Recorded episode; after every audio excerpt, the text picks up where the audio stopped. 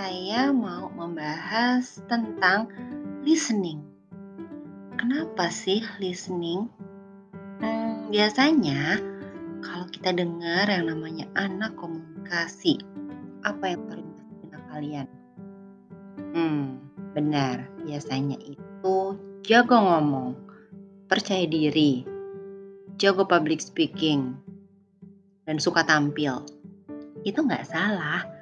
Tapi yang jangan dilupain, ada satu keterampilan paling penting dalam komunikasi, yaitu mendengarkan atau listening. Nah, kita sama-sama belajar ya. Kenapa sih listening itu penting? Saya ambil ini dari buku The Communication Skills Book, 4th edition, ditulis oleh Matthew McKay, Martha Davis, dan Patrick Fanning.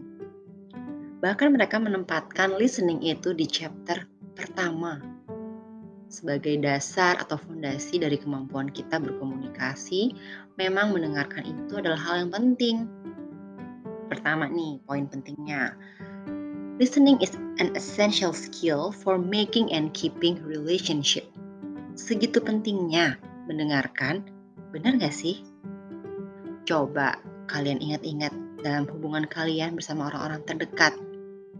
Kalian itu paling senang kalau lawan bicara kalian itu dimanain kalian sih? Pasti perhatiin kan? Terus mendengarkan. Nah, ada juga nih keunikan dari mendengarkan itu kalau dalam bahasa Indonesia kita cuma satu kalimat, sorry satu kata aja kan, dengar tapi kalau di bahasa Inggris itu ada dua, ada hearing, ada listening. Jadi jangan-jangan selama ini kita cuma hearing aja loh, bukan listening. Karena kalau hearing itu hanya proses biologi, proses fisik kita menangkap sinyal-sinyal, menangkap stimulasi dari sekitar kita ke dalam panca indera, yaitu indera telinga. Tapi kalau untuk listening itu adalah proses psikologis, dia proses mental di mana kita bisa setelah menangkap stimulasi dari luar, kemudian kita mencerna dan memberi makna agar kemudian kita bisa memberi respon yang tepat untuk uh, lawan bicara kita tadi. Nah, jadi penting banget kita nggak seneng loh kalau uh, ngomong tapi lawan bicara kita terlihat tidak fokus atau terlihat eh, pura-pura uh, fokus. Nah, itu bisa melukai uh, hubungan. Lalu yang kedua, uh, people who don't listen are bores. They're boring. Kenapa sih orang yang nggak suka dengerin itu dengan membosankan? Ya iya, karena mereka biasanya cenderung ngomongin diri sendiri terus. Siapa yang nggak bosen dengerin orang yang hobinya bicara tentang dirinya sendiri? Oke. Okay. Lalu yang poin ketiga, it's dangerous not to listen. Nah, bahaya kita kalau nggak mendengarkan. Sebahaya itukah? Tentu aja, karena kita bisa kehilangan informasi penting dan kita nggak bisa sadar kalau ada bahaya atau masalah yang datang. Kita cuma nangkapnya separuh-separuh aja, ada obrolan seseorang, kalau kemudian keesokan harinya kita nggak tahu ternyata apa yang disampaikan orang tersebut adalah hal penting. Akibatnya kita kena masalah. Nah, lalu yang penting lagi nih, listening is a commitment and a compliment. Saya suka banget nih kalimat ini. Komitmen kenapa? Ya seperti tadi, dia tuh udah merupakan proses psikologis. Artinya menuntut perhatian, menuntut kecermatan, menuntut kita untuk meredam ego, untuk gak memotong pembicaraan misalnya. Jadi memang harus komitmen. Ketika kita berkomitmen untuk mendengarkan, kita harus beneran sungguh-sungguh hadir saat itu untuk orang tersebut. Yang kedua, listening is a compliment. Listening itu adalah sebuah pujian. A compliment you can give to someone you care about. Jadi, um, siapa tadi saya sudah bilang di awal, siapa yang gak suka didengarkan? Jadi kita ketika kita mendengarkan itu sama saja kita memberi komplimen untuk orang tersebut. Itu seperti it's like sending a message to that person that we care about them. You matter to me. Itu adalah uh, listening is a compliment. Lalu dalam kehidupan sehari-hari kita itu kadang-kadang suka yang namanya pseudo listening atau mendengarkan secara uh, semu. Nah, apalagi tuh mendengarkan secara semu. Nah, itu artinya nggak beneran dengerin. Gitu, kita cuman bilang seolah-olah ini sama saja seperti fake listening nih, pseudo listening. Yang alasannya nih kenapa kita jadinya pseudo listening? Misalnya kita cuma pengen ah kita pura-pura aja deh supaya orang itu nganggap uh, kita tertarik sama dia. Atau ah kita kepingin dapat penerimaan dari orang tersebut. Jadi kita harus pura-pura dengerin aja deh. Lalu ada juga yang pura-pura dengerin cuman uh, ya karena kita kita perlu waktu aja nih buat nyiapin komentar kita berikutnya. Ada juga orang yang dengerin cuman mau cari uh, titik-titik kelemahan dalam argumen lawan bicara. Lalu kita mencari uh, amunisi untuk melawan mereka untuk menunjukin bahwa kita yang benar. Macam-macam ya ternyata pseudo listening itu. Uh, kita bisa tuh latihan untuk uh, analisis nih kita dalam sehari-hari tuh sering nggak sih kita lakukan uh, pseudo listening atau mendengarkan dengan semu? Terus kita biasanya dengerin secara semu itu kalau dalam keadaan apa dan sama siapa. Itu penting. Kenapa kita harus tahu itu? Supaya kita bisa um, aware dulu deh pertama-tama. Mungkin kita nggak akan langsung bisa ngilangin semua kebiasaan itu tapi kita sadar dulu kenapa ya kita kalau sama orang tertentu kita pengen melakukan ini tapi sama orang lain mungkin kita bisa real listening. Oke. Okay. nah hal itu juga membawa saya ke poin berikutnya yaitu tentang blocks to listening. Hambatan dalam mendengarkan. Ada 12 ternyata hambatan dalam mendengarkan. Wow 12 banget ya kadang-kadang ada sih beberapa poin ini dari 12 yang mirip-mirip. Tapi coba kita lihat dan pertama kali saya baca ini aduh ini saya banget deh. Saya merasa ada beberapa poin dalam uh, eh, 12 listening blocks ini yang sering saya lakukan sehari-hari terhadap orang terdekat saya. Yang pertama comparing. Jadi um, ingin membandingkan Kenapa comparing ini disebut blocks juga? Karena kalau kita suka membandingkan, kita jadi nggak bisa mendengarkan karena kepala kita sibuk. Di kepala kita tuh sibuk menilai siapa yang lebih pintar, siapa yang lebih kompeten, siapa yang lebih sehat secara emosional, gitu. Atau bahkan siapa yang lebih menderita, siapa yang lebih jadi korban. Orang-orang yang dalam kepalanya sibuk membandingkan, nggak bisa banyak menerima informasi atau pesan dari lawan bicara karena mereka terlalu sibuk mengukur. Pikirannya tuh sibuk banget. Atau kadang-kadang kalau seseorang menceritakan kehebatannya eh kira-kira aku bisa nggak ya kayak dia? Atau kita merasa lebih kadang-kadang ah aku lebih lebih susah pengalaman aku lebih dari itu itu sih nggak ada apa-apanya. Nah hal-hal seperti itu. Jadi kadang-kadang blocks ini adalah mental blocks yang mungkin kita tidak bicarakan tapi itu terjadi di dalam benak kita sendiri. Jadi satu, comparing. Kemudian yang kedua ada mind reading. Nah, kalau ini dia sibuk uh, mikirin dalam kepalanya juga kira-kira um, apa sih sebenarnya yang lawan bicaraku ini beneran pikir dan rasakan gitu. Jangan-jangan dia nggak menyampaikan apa yang sebetulnya dia maksud. Nah, jadi kita terus membuat asumsi tentang bagaimana orang-orang akan bereaksi terhadap kita. Jadi kita banyak punya intuisi, punya praduga.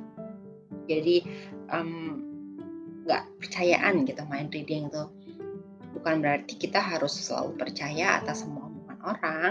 Cuma kalau kebanyakan main reading atau membaca berusaha membaca pikiran orang, kita jadi sibuk sendiri dan mungkin kehilangan informasi penting yang sebetulnya sedang disampaikan oleh lawan bicara kita.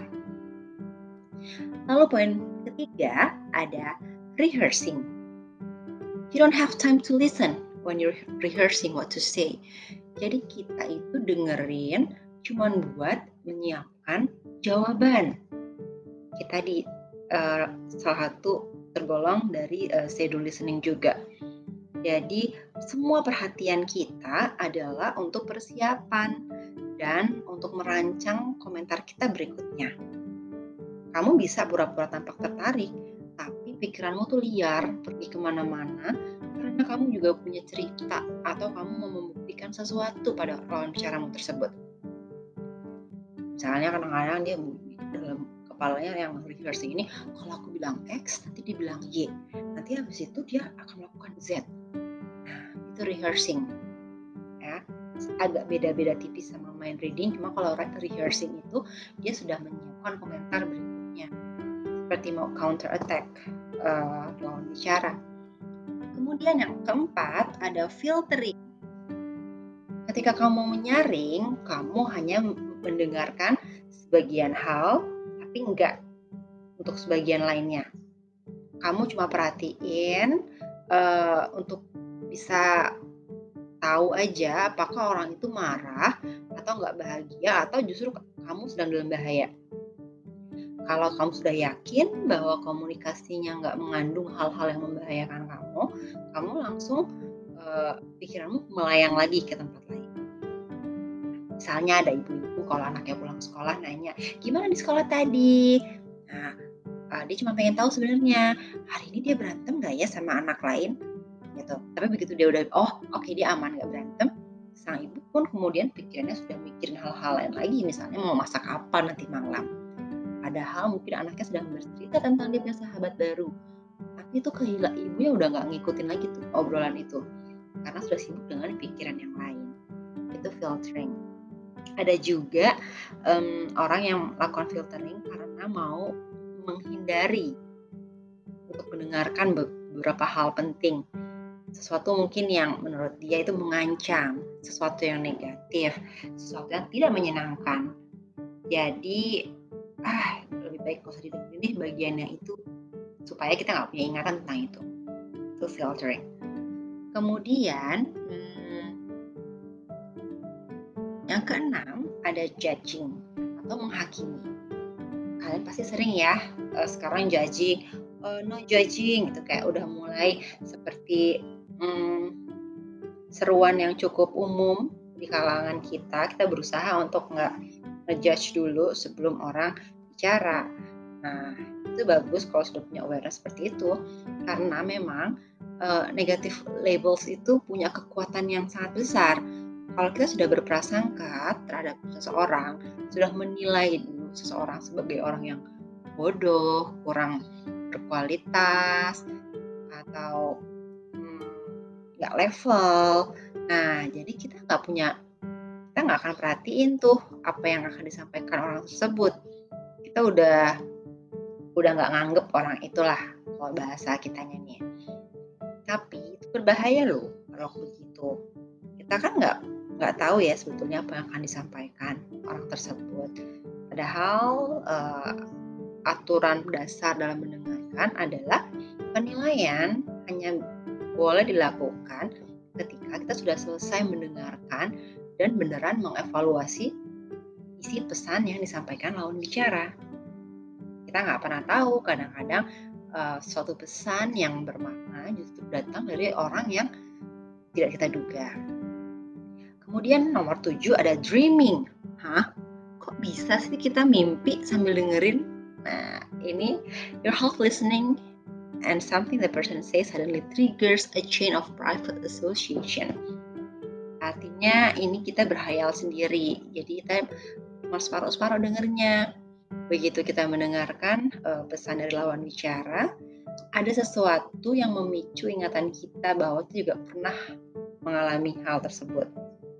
Habis itu kita sudah lihat lagi tuh, karena sesuatu yang disampaikan lawan bicara itu menarik sebetulnya, tapi kita juga pernah mengalami itu, kemudian pikiran kita ke mana-mana segitu akhirnya kita cuma ingatnya tahu-tahu lawan bicara kita sudah menyudahi pembicaraannya tanpa kita sadari apa sih sebetulnya yang dia ceritakan lalu uh, balik lagi ke nomor 8. Ini namanya identifying atau identifikasi. Ini saya sering mengalaminya dalam Kita uh, menerima pesan dari orang tersebut, lalu kita akan uh, menghubung-hubungkannya sama pengalaman kita sendiri. Misalnya ada yang cerita tentang sakit gigi. Eh, aduh, aku gigiku sakit deh. Kemarin aku berdokter gigi. Lalu kita akan menjawab, oh aku juga pernah waktu itu operasi gigi loh. Nah, lalu kita itu langsung ngomongin cerita kita sendiri sebelum orang tersebut menyelesaikan ceritanya. Jadi segala sesuatu yang kamu dengar, kamu uh, tangkap dalam pembicaraan akan selalu mengingatkan kamu sama apa pun yang pernah kamu rasa, kamu alami ataupun kamu derita dalam uh, masa lalu. Jadi kita selalu sibuk dengan kisah-kisah yang menarik dalam hidup kita sampai kita nggak punya waktu untuk beneran mendengarkan atau mencari tahu tentang lawan bicara. Ini seperti mencuri spotlight juga. Orang lagi cerita apa dia langsung cerita ceritanya sendiri dan bahkan ceritanya jadi lebih hebat daripada cerita lawan bicara. Biasanya ini mengganggu banget sih kalau ada orang yang seperti ini. Kemudian poin nomor 9 advising. Ah ini juga. Saya sempat kesentil nih sama advising kadang-kadang kita kalau mendengarkan cenderung kepingin ngasih nasihat selalu siap dengan pertolongan dan saran. Kita nggak perlu nunggu dia sampai nyelesain kalimat, langsung kita sajikan dia dengan saran atau nasihat. Gitu. Padahal kadang-kadang orang kalau bercerita hanya ingin didengarkan saja. Pada kalau kita langsung segera memberi nasihat, kita nggak dengar perasaan mereka dan kita tuh tidak mengakui apa yang dirasakan seseorang tersebut. Akhirnya ujung-ujungnya lawan bicara kita akan tetap merasa kesepian karena kita nggak bisa cuma dengerin dan ada di sana untuk sibuk memberikan nasihat. Lalu yang ke-10 eh, sorry, yang ke-9 ada sparing. Sparing itu artinya ini berantem, arguing. Itu senang banget berdebat, atau mendebat orang lain. Nah, jadi akibatnya lawan bicara akan tidak merasa didengarkan karena kita terlalu cepat untuk menyatakan ketidaksetujuan. Jadi orang yang tipenya mendengarkan gaya sparing ini fokusnya dia adalah selalu menemukan ada aja yang ditemukan e, merasa tidak setuju, merasa omongan orang itu salah. Nah, ada tipenya nih, dua tipe dari sparing. Yang pertama adalah put down, itu menjatuhkan. Lalu yang kedua, discounting. Coba kita bahas satu persatu. Put down. Kita biasanya ingin ini seperti mengerdilkan pendapat atau um, pandangan orang lain, menyalah-nyalahkan misalnya gitu. Put down ini uh, banyak dilakukan. Jadi orang tuh lelah ya, misalnya lelah kalau bicara dengan orang yang sukanya put down, put others down gitu. Misalnya ada teman yang ngeluh, mungkin dia ngeluh tentang pacarnya misalnya. Aduh, pacar aku nggak perhatian banget. Itu harusnya dia jemput aku, tapi dia malah sibuk main bola Lalu lawan bicaranya nih bilang, kan udah aku bilang, kayak gitu masih dipertahanin aja. Putus aja dari dulu mendingan. Tahu nggak benar. Itu adalah put down. Jadi membuat mengerdilkan perasaan seseorang. Langsung dia, kamu salah sih punya pacar kayak gitu. Itu kan pesan yang ditangkap dengan uh, reaksi tadi. Lalu yang kedua, discounting Discounting ini biasanya untuk orang-orang yang tidak bisa menerima pujian.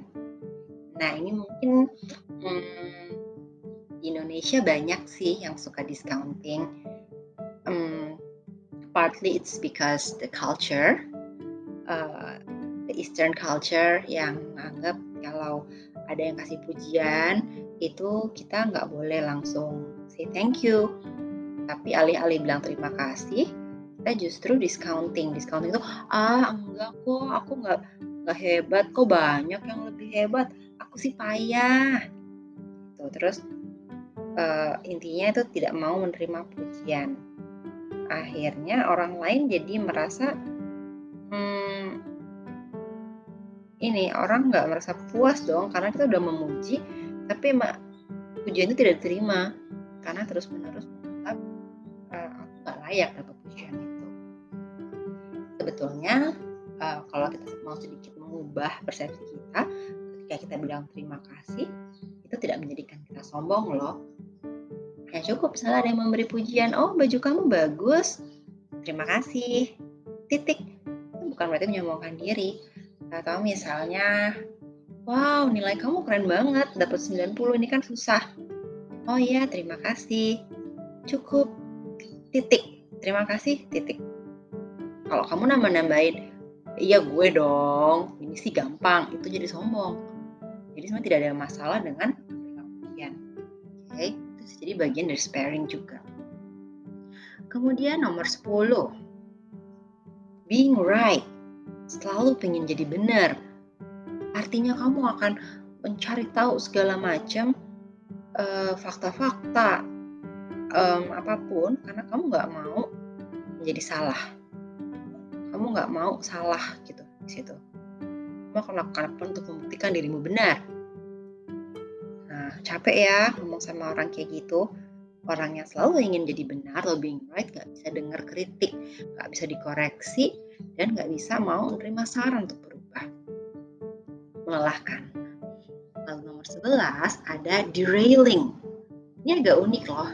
Mungkin kalian juga bisa uh, banyak juga nih teman-teman yang kayak gini. Kita merasa bercanda, kita lagi ngomong sesuatu, tapi teman ini membelokkannya dengan cara bercanda. Gitu. Derail itu artinya membelokkan. Jadi you derail the train of conversation when you get bored or uncomfortable with a topic kita bosan atau kita nggak nyaman, kita akan uh, berusaha mengubah itu ke arah yang lain, misalnya humor atau apa pun. Mungkin kita kayak nggak sadar nih lawan bicaranya, tapi kalau terus-terusan itu lama-lama menyebalkan. Karena kita merasa kurang dianggap. Kenapa sih dia nggak suka ya bahas topik ini ya? Kenapa ya? Ataukah dia kenapa cemas dengar topik ini? Ataukah aku kurang penting ya kalau dia nggak nanggep topik dengan serius. Kita adalah derailing. Kemudian yang terakhir ada placating. Ini plakat ya, kata plakat artinya memberi penghargaan. Ya benar, benar, aku tahu. Pas benar, hebat deh kamu. Jadi kita tuh ingin terdengar nice, menyenangkan, mendukung.